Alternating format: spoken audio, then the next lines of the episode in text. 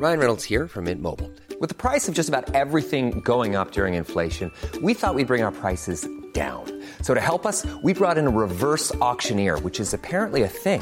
Mint Mobile unlimited premium wireless. Ready to get 30, 30, bit to get 30, bit to get 20, 20, 20, bit to get 20, 20, bit to get 15, 15, 15, 15 just 15 bucks a month. So, Give it a try at mintmobile.com slash switch. $45 upfront for three months plus taxes and fees. Promo for new customers for limited time. Unlimited more than 40 gigabytes per month. Slows. Full terms at mintmobile.com.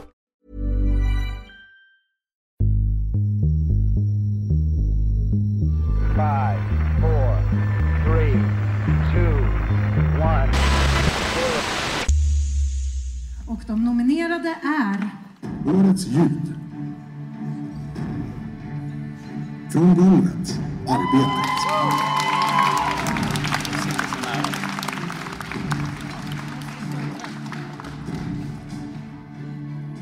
De inlåsta pojkarna. Vincent Zacke.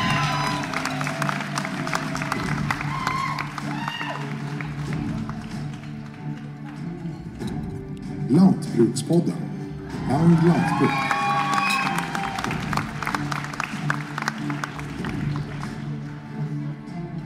Intergalaktiskt. Ny teknik. vinnaren av årets ljud är Arbetet! Ja, Ehm, så att eh, välkomna till säsong två av den fortsatt icke prisbelönta podcasten Intergalaktiskt som görs av Ny Teknik. Nu kör vi! Intergalaktiskt, säsong två Intergalaktisk. Intergalactic. Inter, inter, intergalactic. Intergalactic.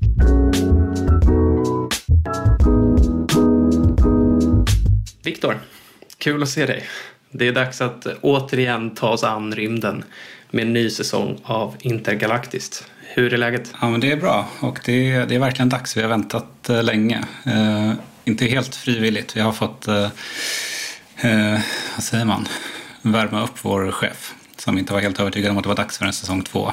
Men eh, till slut. Det har hjälpt med alla mejl som vi har fått in som har frågat när kommer det? Rymden är stor, det finns mycket att snacka om. Så det är väldigt uppskattat. Ja, verkligen. Som introt hintade så var ju podden också då nominerad till tidskriftspriset i kategorin Årets ljud. Så här lät du, Viktor, på själva galan när vi då inte vann. Alltså sån otrolig besvikelse. Aldrig varit så besviken i hela mitt liv. Sen vill jag säga en massa andra saker, men det, känns, det kommer, inte, kommer inte bli bra. Men eh, ja, Hur är, hur är läget idag? stark reaktion där på, på signal.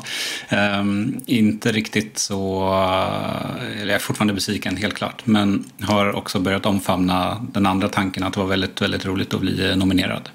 Hur, hur känner du? Ja, nej, det var jättekul att bli nominerade. Jag tänkte nog aldrig att vi skulle kunna vinna det mot det startfältet som var. Så det var roligt att få gå på fest. Sen i det här klippet, jag undrar verkligen vad vår chef Thomas sitter och pratar om i bakgrunden. Det är något med Polen och man vet inte riktigt vad som händer. Nej, det var, det var lite stökigt där. Men, ehm, ja, men det är intressant. Det är, det är någon sorts curse hos mig att jag tänker att jag alltid ska vinna. Alltså även då när jag följer eh, fotboll och mitt favoritlag så är det så här, ja vi kommer vinna, alltid. Men ja, man gör ju inte det. Men eh, det är, det är grundinställningen, att jag tänker att vi ska alltid vinna. Men då eh, tycker jag att vi, vi satsar på att ha ännu bättre gäster, ännu bättre avsnitt det här året och så, så tar vi det nästa gång. Ja, det tycker jag att vi kör på.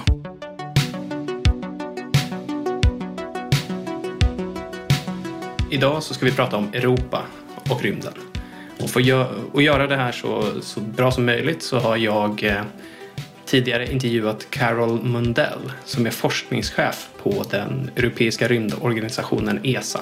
High level. Ja men exakt, det är en perfekt gäst att dra igång allt med. Intervjun är från september kanske. Det har hänt lite sedan dess men det mesta som sägs skulle jag ändå säga är relevant och sant. Ehm, kan du något om hur ESA är uppbyggt? Eh, jag har ingen aning. Man, eller man, ja, ja, jo men jag säger man. Man tänker ju, när man tänker rymden och stora organisationer så tänker man ju NASA. Och ESA har jag lite svårt att placera. Ja, men ESA är ju en europeisk organisation som egentligen då styrs av de medlemsländer som är med. Eh, jag tror att det är 22 stycken. Och ESA har en generaldirektör som heter Josef Aschbacher och sen så stöds han av 11 chefer inom olika områden.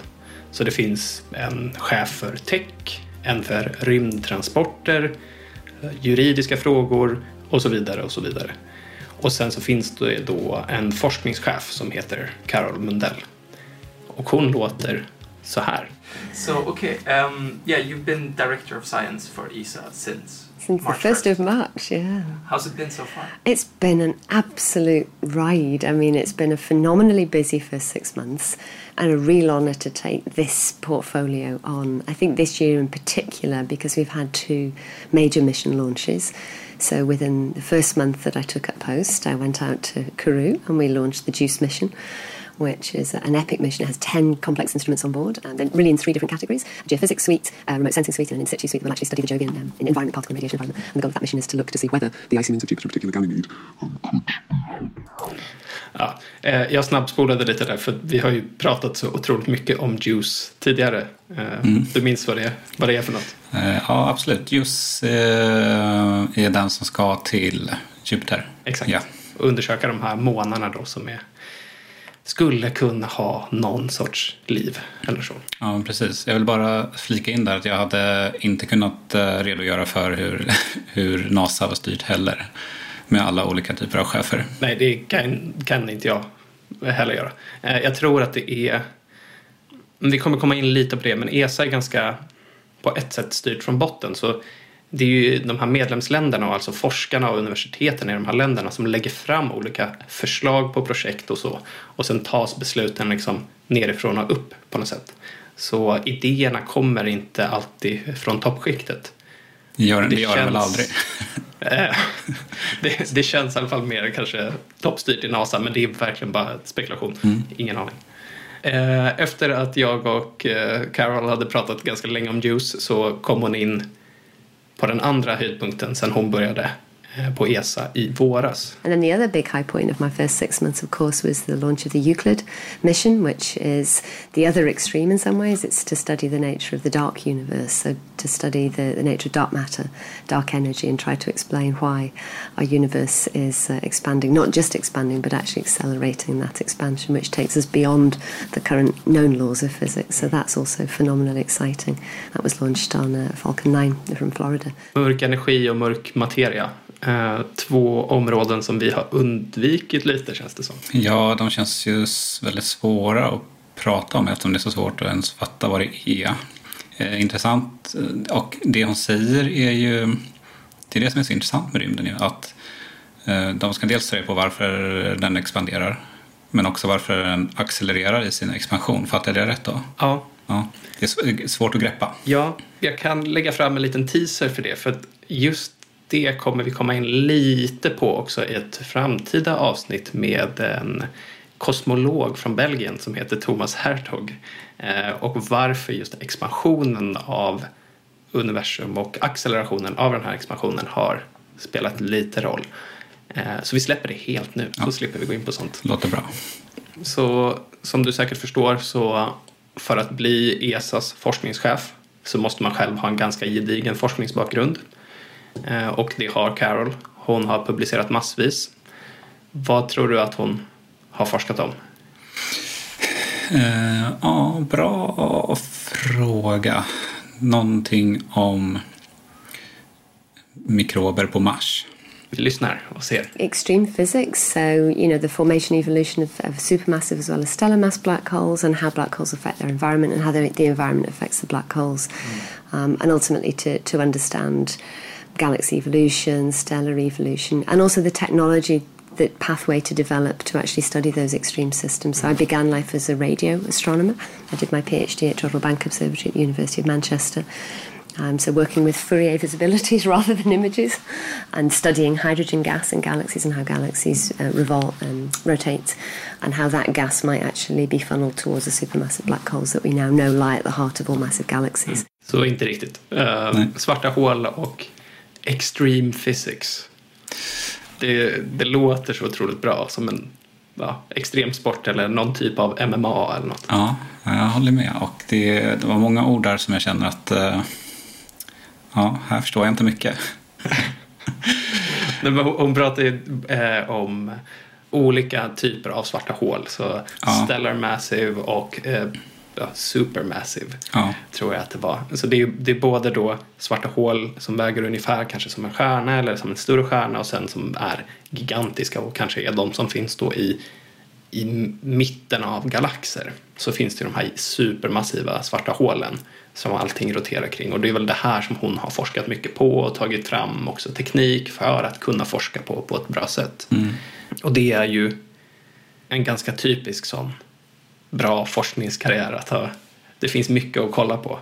Senaste tiden mm, får man väl säga att vi har lärt oss mycket mer om svarta hål just för att vi kan avbilda dem som man fick ett Nobelpris för och sen har man kunnat se kollisionen av svarta hål med hjälp av gravitationsvågor och så. Så det, har ju, det fältet har ju kunnat expandera lite också på, på senaste. Men man får i alla fall inte bli forskningschef på ESA bara för att man är en framstående forskare. Man behöver också ha lite mer diplomatiska färdigheter. And then, you know, more latterly, obviously, I, I was seconded into UK government, and so I worked in the Foreign and Commonwealth Office as the first woman chief scientific advisor, and then more recently as the chief international science envoy. So I was really able then to use science for diplomacy and support our ambassadors around the world um, to build new relationships through through science across the whole of the science portfolio. Så äh, det, det hon gjorde var helt enkelt att hon var chef för olika utrikesdepartementsdelar och forskningen då i Storbritannien. Så hon var på, jag vet inte riktigt vad the Commonwealth är för något. Det låter ju väldigt daterat men det inkluderar väl de gamla kolonierna på något sätt. Ja, precis. Alltså, mina fördomar om forskare är att de kanske inte är så diplomatiska utan att man är väldigt så inrutad i sin lilla forskning och vill inte dela med sig och vill inte samarbeta, eller det kanske man vill, men man vill gärna vara, ja men, armbåga sig fram liksom. Kanske eventuellt eh, en unik egenskap då som gjorde att hon var lämplig då som forskningschef. Min, min erfarenhet är ofta att det är precis tvärtom. Okej. Eh, att många, många forskare som jag har pratat med och när jag själv har varit men, skrev min master och sådär, de som forskade på KTH då var, jobbade väldigt internationellt och hade väldigt bra utbyte med andra institutioner för man kanske inte hade alla instrument själva, man kanske inte hade finansieringen för allting så då kunde man vara en del av ett annat projekt lite på sidan, få lite pengar, kunna göra klart sin egen forskning för att den hjälpte också någon annan grupp. Så det, det handlade lite om att, att pussla ihop allting för att få helhetsbilden. Men inom vissa fält kan jag tänka mig att det finns en stor konkurrens där man behöver vassa armbågar självklart. Eh, säkert. Men intressant att, det var, att det, du vittnar om att det är precis tvärtom än vad jag trodde att det var. Vi får ta med några doktorander kanske för att eh, prata lite om klimatet Det eh, det låter bra. i forskningsvärlden. Men om man kollar då på Carol Mundell, hon kommer in, eh, sa hon tidigare, i, i mars till ESA och blir den nya forskningschefen. Har man då med sig en agenda, för att hon har ju då ett forskningsområde som hon gillar och hon kanske, får man, får man komma in och styra och ställa? Det hon sa om det lät så här. I mean, I have deliberately set aside my own personal research portfolio. I think that's really important to show that I'm not biased in any way to any particular area. I am quite broad in my scientific interests, so I'm able to look across the whole portfolio and really support our member states' ambitions. The way we build the science program in Easter is bottom up, um, so we don't take. I don't come in as a director and direct the program and say, right, we're going to do this particular kind of science because it's what I enjoy. We actually build that up from very um, rigorous peer review across all of our science community, and then it's it's competitive. And so what we then end up is a, a very balanced program, everything from above the Earth's atmosphere in the solar, solar heliophysics environment right out to the edge of the universe and the nature of space-time. And when you look at the history of the European Space Agency missions and how the portfolio fits together, it is a very diverse program. It's a very coherent program because of that bottom-up process, actually. And it's something that I looked at when I first came in. I reviewed all of our processes to see if they were fit for purpose and really took our processes to our, our program committee and asked them to challenge us back. So they're our oversight body. And yeah, we all concluded together that the processes work very well. You keep an eye on the processes to make sure that they continue to work well. Um, and it's a very competitive pro- process. I mean, you know, there are our scientists don't lack ideas. Our engineers and technologists are incredibly innovative and can invent new technology to, to deliver on our scientific ambitions. And so I think probably one of the hardest thing is actually um, saying no to some, some missions and programs because of course we have a, a fixed budget. Här kan jag börja med att säga att jag tror att hon blev ganska passionerad här för att hon började gestikulera ganska mycket vilket hörs lite i, i ljudfilen. Men som vi sa innan så handlar det ju om att hon har ju inte ens möjligheten att styra någonting utan man bygger allting från, från botten upp och därför blir det en ganska ja, men diversifierad forskningsportfölj som hon pratar om. Mm. Sen vet jag inte om jag gillar att det känns ganska skrytigt att prata om så här. Vi är superbra om man kollar på det genom åren liksom hur vi gör allt möjligt och så. Precis, men jag, jag gillar verkligen idén med att det är liksom bottenstyrt. Ja, men det, det känns ju som att det blir ett... Eh, just när det är forskning så om man ska komma på nya idéer eller hitta någonting nytt så behövs det ju nytt folk och ja, när det kommer någon ny in i branschen börjar man ju på botten och då så kan ändå de idéerna nå fram och bli det som till slut blir ett rymduppdrag eller någonting liknande. Mm. En miljardinvestering. Och eh, ESA har ju väldigt mycket forskning bakom sig. Vi har ju som sagt pratat om JUICE eh, som om ett gäng år är vid Jupiter. Vi har Euclid som vi pratade om tidigare. Eh, vi har din favorit från förra säsongen, Baby Colombo. Just det. Bepi Colombo som den egentligen heter. Och är på väg till Mercurius och sen massa annan gammal forskning och ny forskning som är planerad. Och sen så finns det ju självklart inte pengar till allt, som hon säger. Rymdforskare vill ju självklart forska ännu mer. Precis. Men sen finns det lite andra problem. Eh, För som vi har varit inne på så är det ju ofta samarbeten i rymden. Och samarbetspartners kan ju försvinna. ESA har samarbetat jättemycket med Ryssland till exempel. Men efter deras fullskaliga invasion av Ukraina så har ESA ställt in väldigt mycket planerade saker. Yeah, I mean, I think obviously the war in Ukraine is, you know, a devastating development for the people who, who are affected by that. And I think it was right that the agency made the the very principled decision that, that we would not launch the Euclid mission on a Russian rocket, um, which was the original plan. Um, and instead, we re engineered um, under very tight time pressure to launch Euclid on time on a Falcon 9 SpaceX rocket. Um, so indeed, you know that war is, as I say, is devastating for the people it's affecting. Um, we have been fortunate that I think across our science community we've come together to make sure that these missions continue. Alltså, um, ett exempel hon tar upp det är Euclid-missionen som då ska undersöka mörk energi och mörk materia. Ett teleskop som ganska nyligen levererade sina första bilder också. Det teleskopet skulle skjutas upp av en rysk raket men istället blev det SpaceX. Vet du varför Europa inte bara sköt upp det med en egen byggd raket? Eh, Fanns ingen kanske? Ja, helt rätt. Så eh, tidigare har Europa haft eh, en stor raket som heter Ariane 5.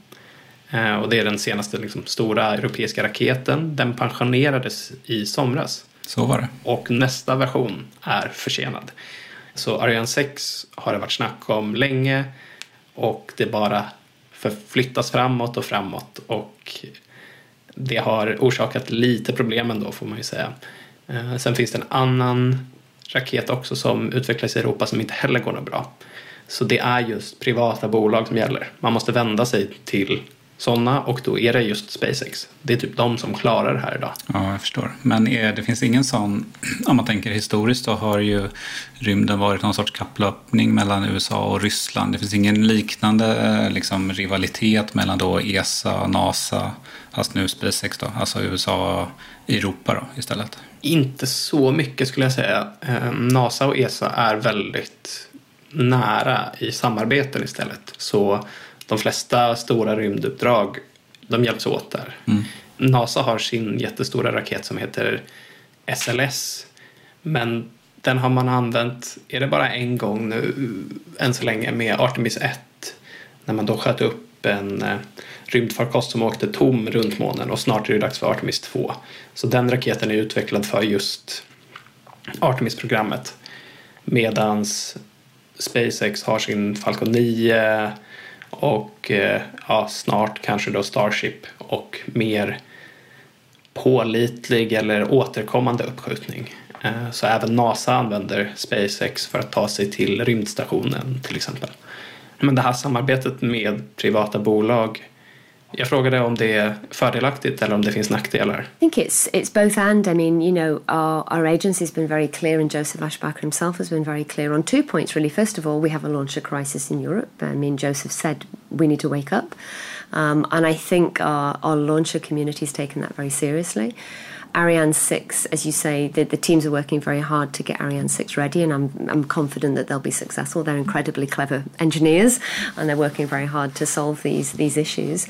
And they need to solve them well. You know, that's why we're taking care, because this is, this is hard. Space never gets easy, even though sometimes we make it look easy. It's always hard, and therefore it needs to be right. And you know we're hopeful that next year Ariane 6 will fly, and we hope with a, an Earth observation satellite as, as its uh, Virgin flight. And then the science programming, I don't have um, a mission that needs to launch this coming year. We have our, our missions ready, you know, for the, for subsequent years. And yeah, we're, we're there in the queue as, as customers.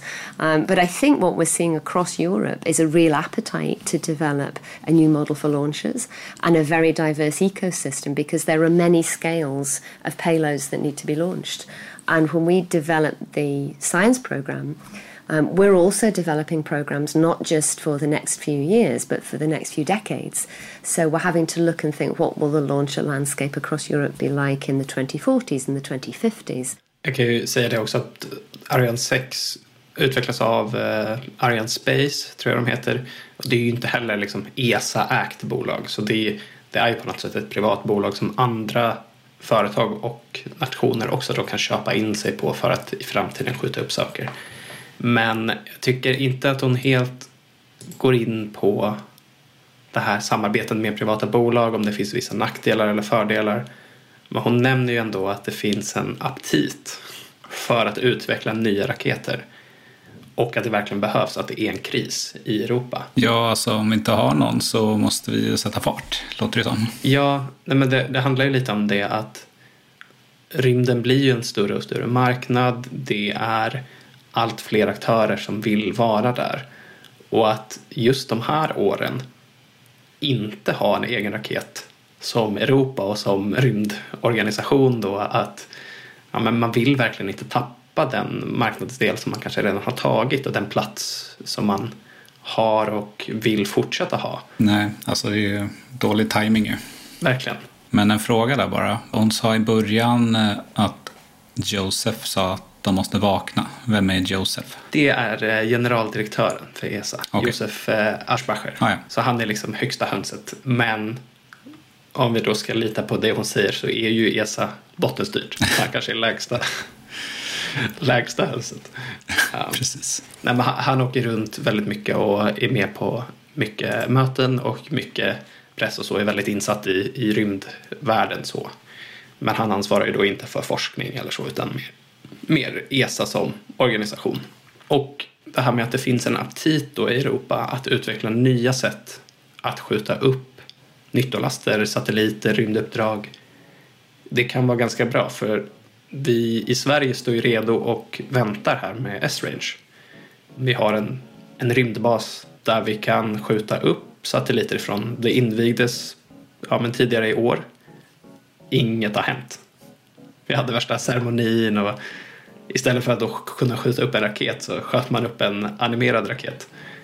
Är det så? Fan, det har jag missat. Det finns ett klipp, jag tror att det är Christer Fuglesang står och räknar ner från 10 Mm. och sen sätter de igång en film och så är det en raket som åker upp animerad. Ja, Det är deppigt. lite så. Det, man hade ju hoppats på att vi skulle ha fått upp den första satelliten nu då eftersom att det snart har gått ett år sedan vi ja, men invigde den nya då delen av S-Range. Ja, och vi tävlar väl lite med eh, Norge här, om jag inte minns fel. Yes. Norge har eh, en liknande förmåga under uppbyggnad.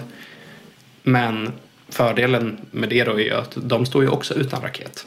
Ja, Det är, det är brist på raket. Det är det, det är det det är helt enkelt. precis. Vi kanske kan dra en liten fördel av att vi är med i eh, EU. Det kan, ESA kanske inte har så mycket med EU att göra, men Vi får inte bli slagna av Norge hur som helst. Nej, vi, vi, får, vi får se till att det, att det blir av snart helt enkelt. Ja. Men hur viktigt tror Carol Mundell då att S-Range förmåga kommer att vara? I think it will be very important. I mean, there's a whole ecosystem of science. I mean, f- from from a science perspective, there are many other reasons for launching launching um, satellites, and I think that the Swedish capability will be critical in that to provide that diversity of choice across Europe, both commercially, both for our scientists. I mean, our university groups. If it's a student project you want to launch, maybe you build a CubeSat. That also is really important. Jag hörde inga, inget ljud av eh, gestikulering, så jag anar att hon inte var så, så hypad när hon pratade om S-Range. Nej, men det kanske, hon kanske där hade lyft händerna från bordet eh, och var så otroligt taggad. Men ehm, det är ju så som hon säger att det finns behov av alla möjliga uppskjutningsplatser. Från S-Range kanske vi inte kommer skjuta upp några James Webb-teleskop eller de här största satelliterna eller delarna utan det kanske är mer det som är men, forskning eller studentforskning till att börja med. Det är lite mindre satelliter. Det är sånt som är väldigt viktigt men som inte ska lika långt. Men huvudsaken är väl att vi bara får igång det. Ja, jo, precis. Men eh, apropå typ James Webb, skulle James Webb kunna skjutas upp från S-Range eller är det liksom för litet? Jag vet faktiskt inte men jag tror nog att det är för litet. Jag tror att tanken är att vi just ska kunna skjuta upp satelliter och James Webb skulle ju väldigt mycket längre. Eh, så där drog man ju till med en stor smäll eller en stor raket för att liksom få, få det här jättepaketet att kunna segla iväg bort mot den här andra Lagrangepunkten där eh, teleskopet nu är i omlopp och det gör ju vad är det, 1,5 miljoner kilometer bort eller sådär. Mm, runt hörnet. Exakt. Med- Medan de här satelliterna från, från S-Range då, de är, tanken där är ju att de just ska vara satelliter och vara i omlopp runt jorden och lite närmre. Så då behöver man ju inte samma, samma kraft upp. Eh, och då behöver man inte heller bygga en lika stor platta därifrån man skjuter det. Och de här uppskjutningsplattorna är ju också väldigt avancerad teknik. Det kan man ju tänka bara med eh, när Elon Musk försökte skjuta upp Starship senast. Det första försöket, då sprängde de ju hela den plattan i stort sett. Eh, vilket folk har kommenterat, ja, men de var ju så himla glada över att det var så lyckat. Eh, men om man kollar på video så bara flyger det betong åt alla håll och det, det var ju inte meningen riktigt. Nej.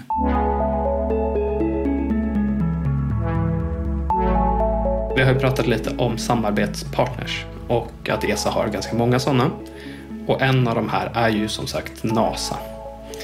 Och där sitter Nicola Nicky Fox och hon har samma position som Carol Mundell har här i Europa. Yeah, NASA's a very important collaboration partner for us. I mean, ESA and NASA are the two big international space agencies. We also work closely with the Japanese space agency, JAXA, um, and we also have a mission in preparation with the Chinese Academy of Sciences uh, from, from the ESA perspective.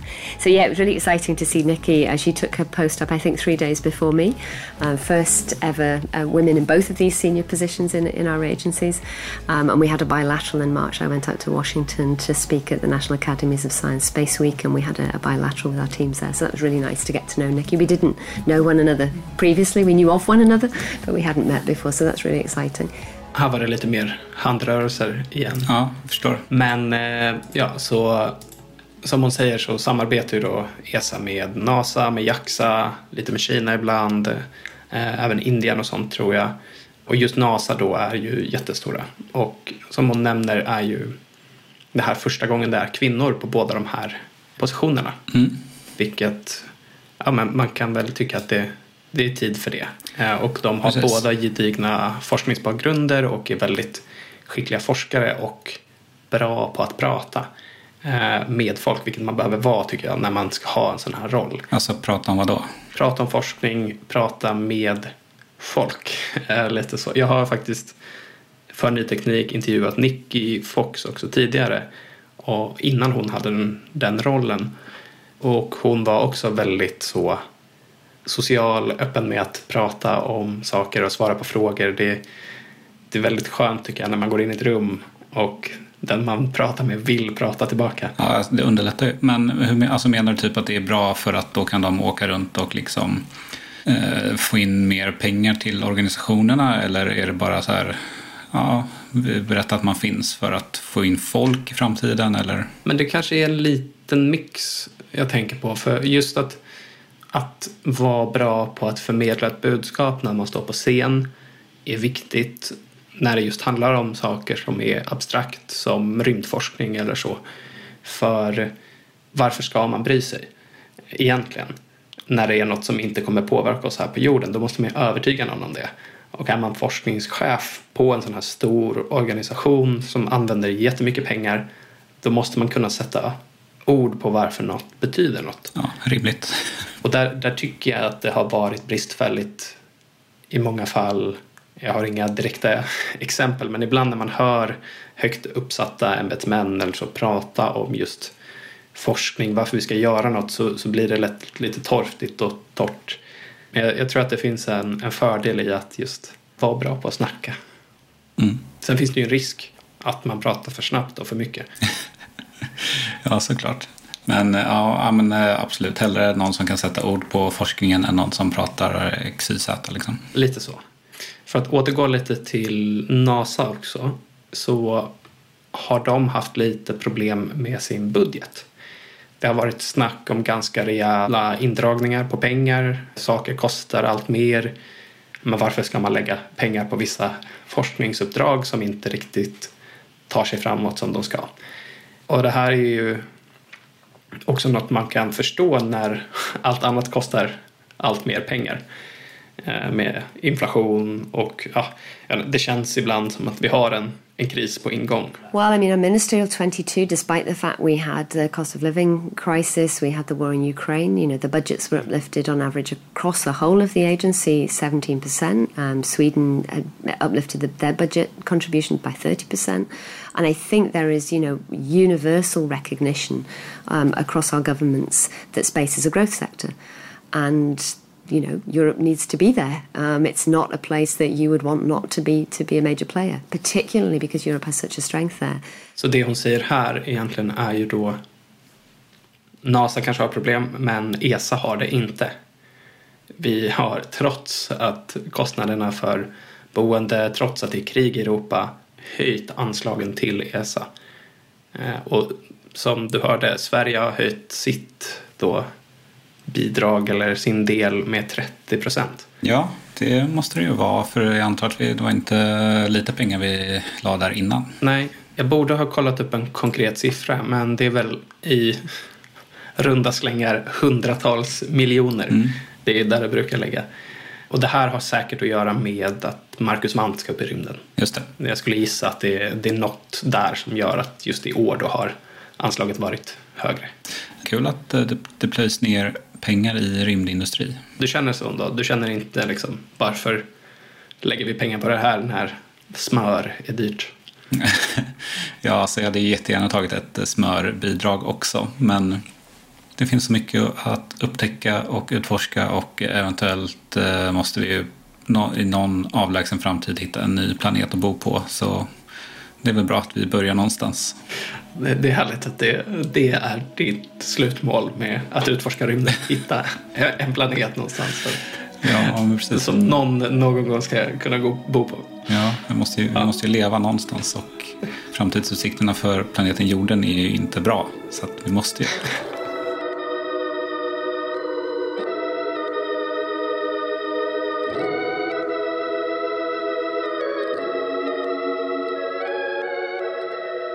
You know, the sky is for everyone. You look up and you think we, we're on this tiny planet and this vast universe. You know, the universe is 13.8 billion years old and we're transient beings for a tiny fraction of that, you know.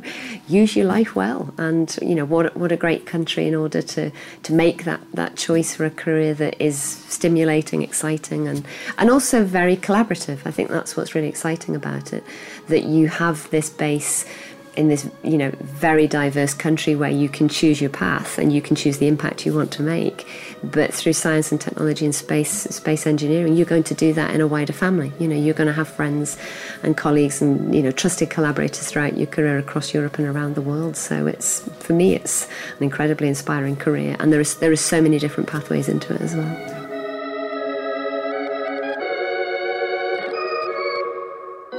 Jag kommer liksom aldrig nå upp till den energinivån och den liksom livsglädjen som, som hon snackar om. Att så här, hon? Använd ditt liv väl. Man typ, ja, jag försöker bara ta mig igenom det. Nej, men inte riktigt. Men eh, ja, det är någonting med det. När, när man är ute på så här, personer i den positionen som... Hon, är hon britt eller? Ja. ja. Det, det är någonting med en energi som inte riktigt finns här. Hur känner du själv? Eh, för varje, varje gång jag får prata med någon som har en sån här roll eller jobbar inom just rymdbranschen så, så får jag en otrolig framtidstro. Det är, det är en sektor där folk brinner för något och ser framtiden som ganska ljus och det är väldigt upplyftande tycker jag. Eh, sen klart det kan vara en ganska stor kontrast till mer vardagliga eller ja, händelser på, på jorden. Men, ja, men jag, jag, jag blir ändå påverkad av det och ja. kan känna att ja, det, här är, det, här är, det här är något för mig. Bra. Stort tack för att ni har lyssnat på det första avsnittet från säsong två av Intergalaktiskt. Podcasten görs av Ny Teknik och klipps av Kristoffer Krook på Monopol Media. Vi hörs snart igen med mer från universum.